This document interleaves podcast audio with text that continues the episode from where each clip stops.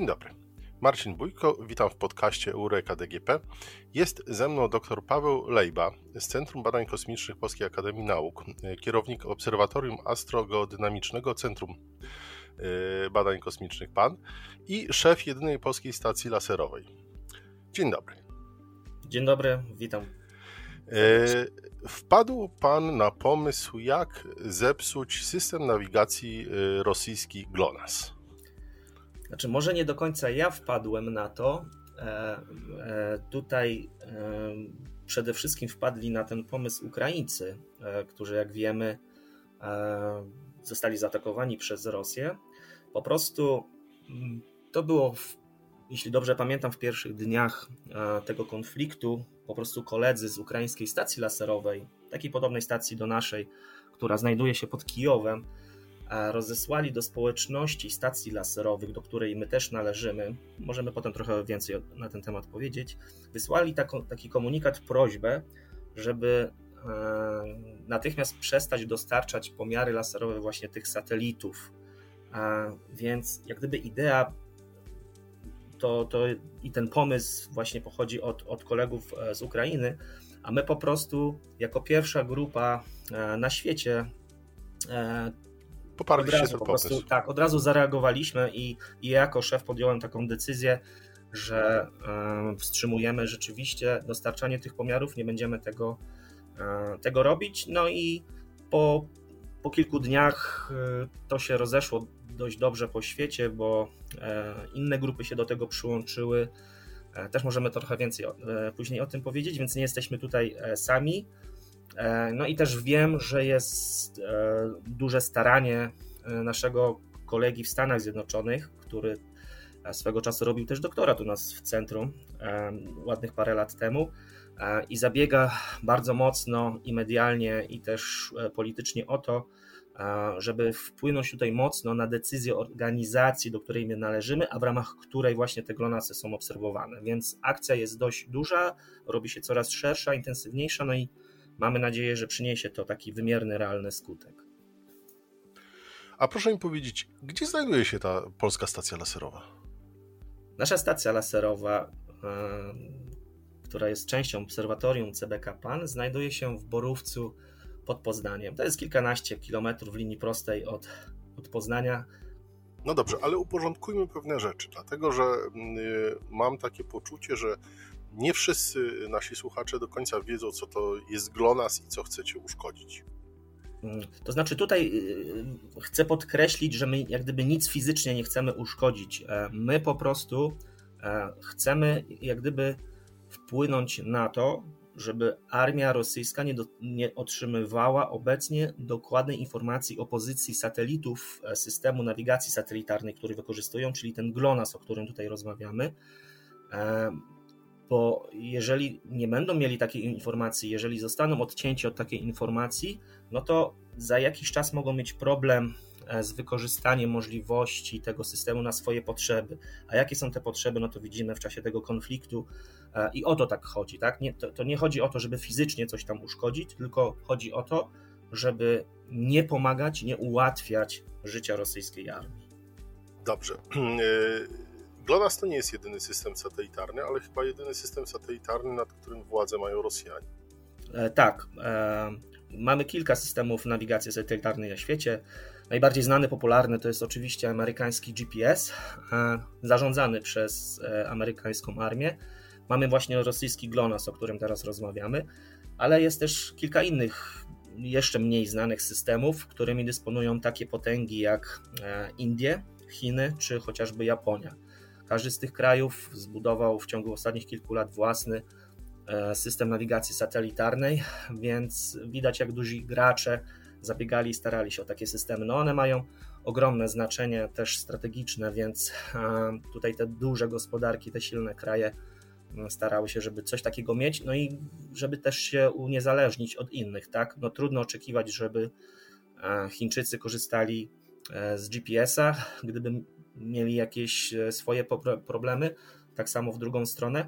No i jeszcze jeden system, o którym e, nie wspomniałem, a należy tutaj wspomnieć, no to, to jest ten europejski system nawigacji Galileo. satelitarnej Galileo. Tak? E, on jest już, już operacyjny, Tutaj my, jako mieszkańcy Europy, też możemy już z niego korzystać, a więc mamy tych systemów kilka, tak, na świecie. No, i... no można zakładać, że armia rosyjska korzysta z tego, co zostało opracowane, zresztą już bardzo dawno temu, bo chyba pierwsze prace zaczęły się w latach 70., a taka, taki renesans systemu y, GLONASS był na początku lat 2000, czyli od około 20 lat jest ten system rozwijany, dobrze mówię?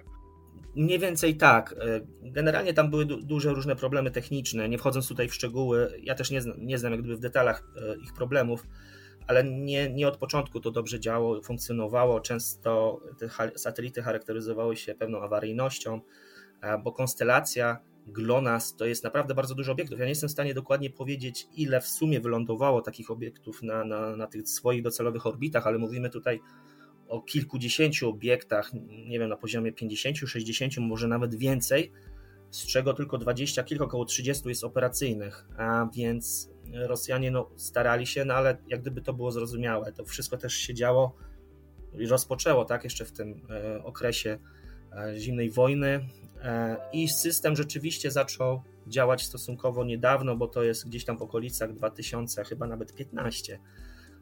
Więc można powiedzieć, że stosunkowo niedawno uniezależnili się tak i, i dysponują własnym takim systemem. No, że właśnie, y, uniezależnili. Natomiast, y, jak pan wspomniał, koledzy z Ukrainy podpowiedzieli sposób, w jaki rozregulowania całego tego systemu y, GLONASS. Mógł pan opowiedzieć mi więcej o co chodzi? Tak, e, no właśnie to jest w ogóle ciekawa historia z tego wyszła, bo generalnie e, wszystkie te stacje laserowe, e, także nasza stacja które dostarczały swoje i dostarczają swoje pomiary w ramach organizacji, do której należymy, czyli International Laser Ranging Service, nikt chyba nie zdawał sobie właśnie do końca sprawy, co tak do końca obserwujemy. Gdzieś tam może z tyłu głowy była jakaś taka świadomość, ale dopiero ten konflikt tutaj e, Rosji z Ukrainą no, wywołał też taką wewnętrzną dyskusję w naszej organizacji, bo, bo nikt tutaj praktycznie cicho nie siedzi w tej sprawie i, i dyskusje się toczą różne ale otworzyło nam to przede wszystkim oczy, że, że my do, dotychczas w ramach tej organizacji, która jest cywilną organizacją, która, której praca dedykowana jest przede wszystkim na potrzeby nauki, no i wszystkie to pomiary przecież wykonywane są w, celach pokojowych, naukowych wyłącznie, nagle okazało się, że przecież my przez, przez ileś lat dostarczaliśmy pomiary dla systemu, e, który teraz jest wykorzystywany na potrzeby wojska, tak? I i na potrzeby I, inwazji. I, y, tak, i na pewno też na potrzeby tak inwazji, tak, zdecydowanie. E, I, I to było takie jakieś oświecenie w naszym środowisku. No i rzeczywiście dyskusja e, jest i będzie, ale e, chodzi po prostu o to, że te nasze pomiary laserowe są pomiarami bardzo dokładnymi, bardzo precyzyjnymi. Co to znaczy? To znaczy, że z dokładnością pojedynczych centymetrów wyznaczana jest pozycja, położenie tych satelitów w przestrzeni kosmicznej, a im dokładniej znamy położenie tych satelitów w przestrzeni kosmicznej, no to tym lepiej możemy wyznaczyć pozycję właśnie odbiornika tutaj na Ziemi. No i chodzi o to, że jeżeli my tym, te swoje pomiary laserowe teraz zarzucimy, to znaczy nie będzie tych danych z naszej stacji i innych stacji, no to będzie problem dla systemu, dla operatora, e, ponieważ operator nie będzie dysponował tymi dokładnymi informacjami, nie będzie miał informacji o tak, o tak zwanej orbicie, czyli tym torze, po którym ten satelita porusza się wokół Ziemi, no jeżeli nie będzie miał tej dokładnej informacji, no to też nie będzie wiedział, jak korygować pozycję tych satelitów, jakie poprawki dokładnie tutaj wprowadzać. E, no i wpłynie to na to, że za jakiś czas e, dokładność tych satelitów będzie na tyle e, niekorzystna, problematyczna, że wskazania odbiorników na Ziemi również będą obarczone sporym błędem I, i, i mogą być to błędy nawet rzędu kilometrów. Oczywiście wszystko zależy od tego, jak długo to będzie trwać. No i jak gdyby ile stacji, ile grup się do tego przyłoży, tak? Więc jest szeroka tutaj akcja, żeby jak najwięcej stacji e, nie brało już w tym udziału, nie dostarczało tych pomiarów, ale nie tylko na poziomie stacji laserowych. To jest jak gdyby pierwszy krok. E, potem są jeszcze centra obliczeniowe, które dostarczają precyzyjnych informacji o tych orbitach, o których tutaj wcześniej e, powiedzieliśmy sobie. Więc chodzi o to, żeby na wielu poziomach odciąć Rosję w ogóle od dostępu do takich danych, żeby po prostu ich nie otrzymali. No i tutaj mogę śmiało powiedzieć i potwierdzić, że już takie pozytywne sygnały od jakiegoś czasu płyną i pewne decyzje zostały podjęte, nie tylko u nas w Polsce oczywiście, ale też w innych krajach, więc e, coraz mniej tych danych dochodzi. Przyłączyło się też do tego, e, do tej akcji bardzo duże centrum obliczeniowe z Monachium, e, European Data Center, Eurolas Data Center dokładnie to się nazywa. To jest takie niemieckie centrum danych, które właśnie dystrybuuje też e, te wyniki pomiarów laserowych, ale też informacje o tych precyzyjnych orbitach, wykonuje też różne obliczenia, więc tutaj oni odcięli e, Rosję od dostępu do tych danych, no i, i bardzo dobrze, e, że taka decyzja została podjęta. A proszę powiedzieć, co wy tak naprawdę mierzycie? Strzelacie laserem w kierunku tych satelitów konstelacji GPS, czy coś innego? To znaczy, genera mhm, generalnie strzelamy w przeróżne obiekty. E, to jest mniej więcej kilkadziesiąt obiektów, e, które obiegają Ziemię na różnych wysokościach. Od kilkuset kilometrów do kilkunastu tysięcy kilometrów, do mniej więcej 20, 23 nawet tysięcy kilometrów. Takie są możliwości naszego systemu. E, no i te nasza praca, te nasze pomiary polegają na tym, że mierzy się czas przelotu wiązki laserowej na drodze stacja, obserwowany obiekt stacja. Te satelity, do których my strzelamy takim laserem, są wyposażone takie specjalne odbłyśniki. Fachowo one nazywają się retroreflektory.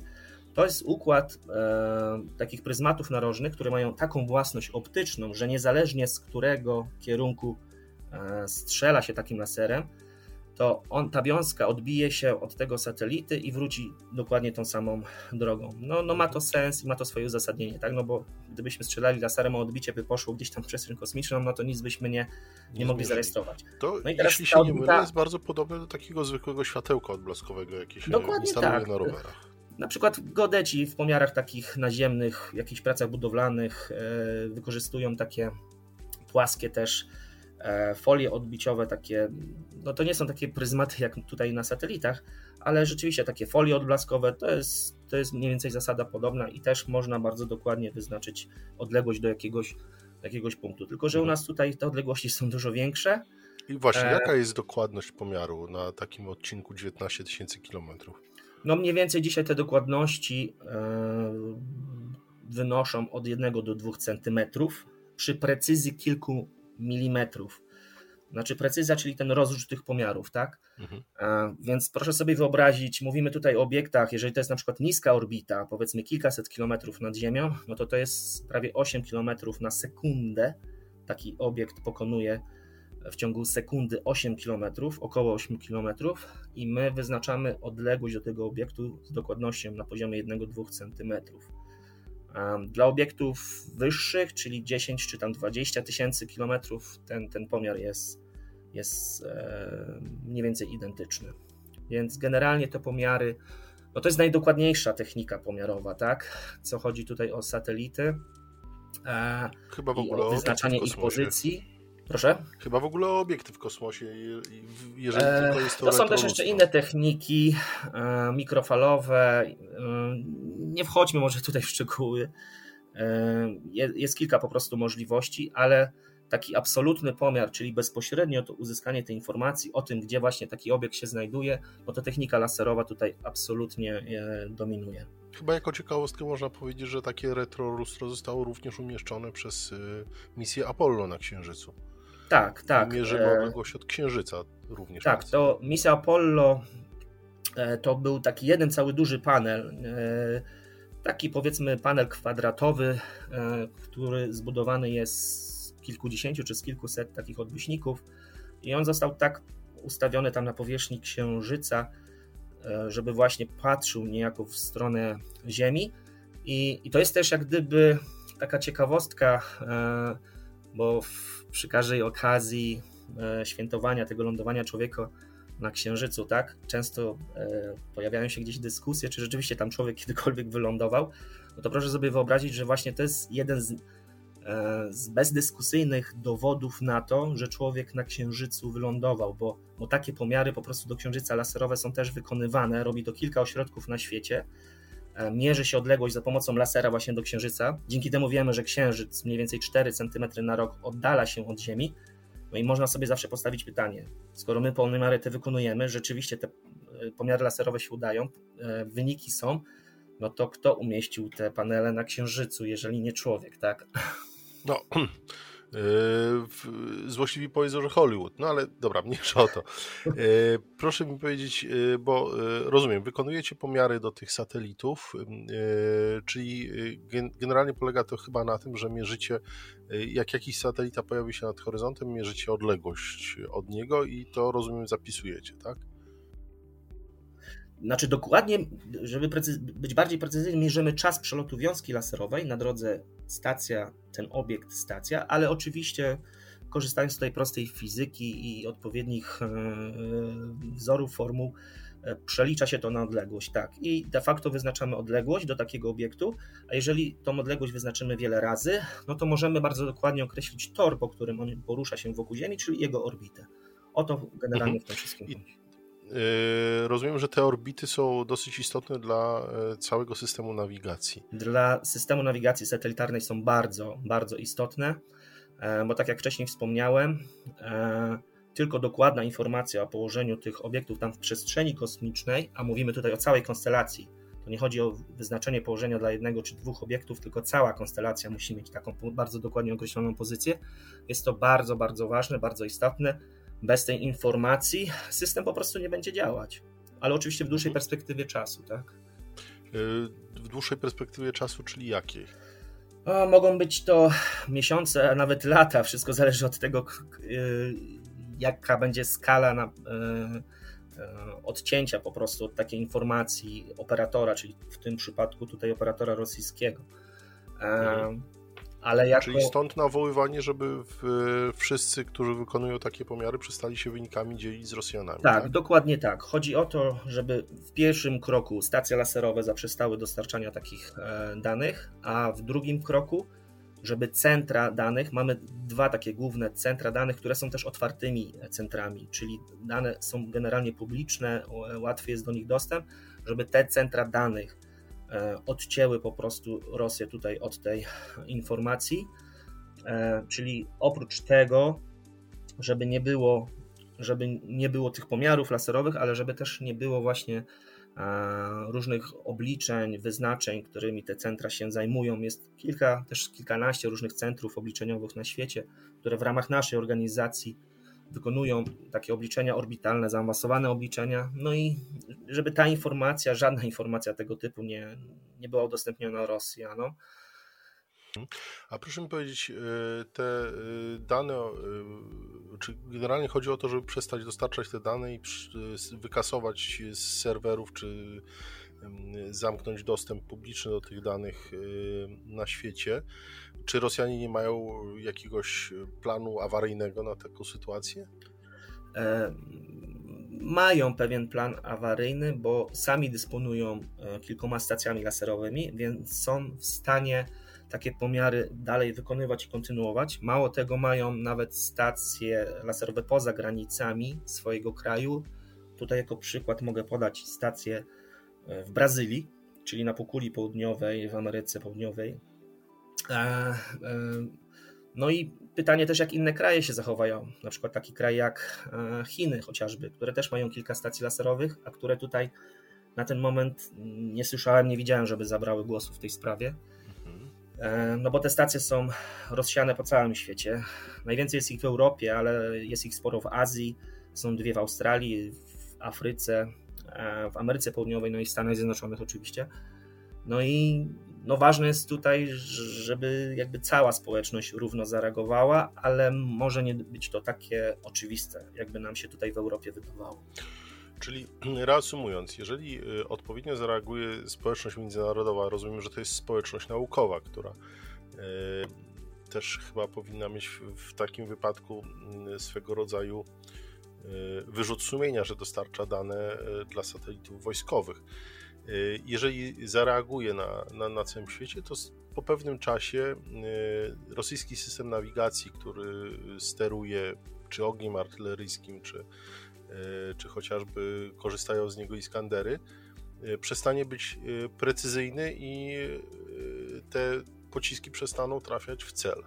Mam rację? E, tak, tak. Do, docelowo tak właśnie może być. I, I to wszystko ma jak najbardziej swoje uzasadnienie i sens, bo te błędy w pozycji tych satelitów na orbicie bardzo mocno przekładają się na, na, na błędy w pozycji tutaj na Ziemi. Jeżeli satelita zgubi, nawet jeżeli zaczniemy od pojedynczych metrów, kilkunastu metrów, no to potem na Ziemi to mogą być już setki metrów. Mhm. E, więc działanie takiego systemu no, jak gdyby traci sens wtedy, tak? Praca tego systemu traci sens. Ale oczywiście mówię, no wymaga to czasu, wymaga to jak gdyby koordynacji, zaangażowania wszystkich, którzy, którzy mogą tutaj w tej sprawie cokolwiek zrobić. E, czy te systemy satelitarne, e, które e, są dostępne na świecie, czyli Galileo, GPS czy system indyjski, również potrzebują tego typu pomiarów laserowych, żeby działać poprawnie? Tak, zdecydowanie tak. E, wszystkie te systemy, wszystkie te satelity, e, które składają się na te systemy, takie informacji potrzebują. Obecnie mamy na liście trackingowej, czyli na liście obiektów, które należy śledzić, e, kilkadziesiąt takich różnych satelitów. I w, oprócz obecnie nie ma na tej liście systemu GPS, a wszystkie pozostałe satelity są na tej liście. Kiedyś były dwa satelity GPS, ale to była jeszcze starsza generacja tych satelitów które były śledzone, ale bardziej to miało taki charakter e, naukowy. Nowa generacja satelitów GPS amerykańskich, GPS nie ma jej na liście, ale myślę, że jednak armia amerykańska tutaj e, jest w pełni, w pełni samowystarczalna i, i jak gdyby nie potrzebuje tutaj jakiegokolwiek wsparcia z naszej strony. A czy y, takie systemy, na, ile pan wie, y, czy takie systemy y, satelitarne typu GPS można regionalnie wyłączyć, tak żeby nie dostarczały danych na przykład tak, terytorium? Tak, można. Można i to się robi.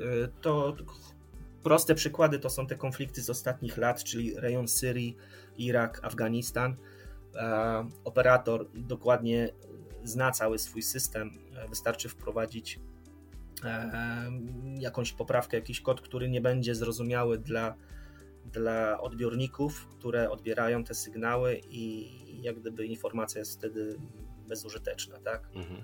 W ten sposób. To nie jest tak, że się wyłącza te satelity, bo te satelity dalej e, cały czas pracują, cały czas nadają, cały czas odbiera się sygnały od tych satelitów, ale wystarczy po prostu taki powiedzmy fałszywą gdzieś tam jakąś podaje się e, taki fałszywy kod, fałszywą informację, no i wtedy jakaś elektronika nie jest w stanie tego rozszyfrować, jakiś algorytm, tak, nie poradzi sobie z tym. Operator będzie wiedział, jego odbiorniki będą umiały sobie z tym poradzić, ale, ale ktoś z zewnątrz już nie.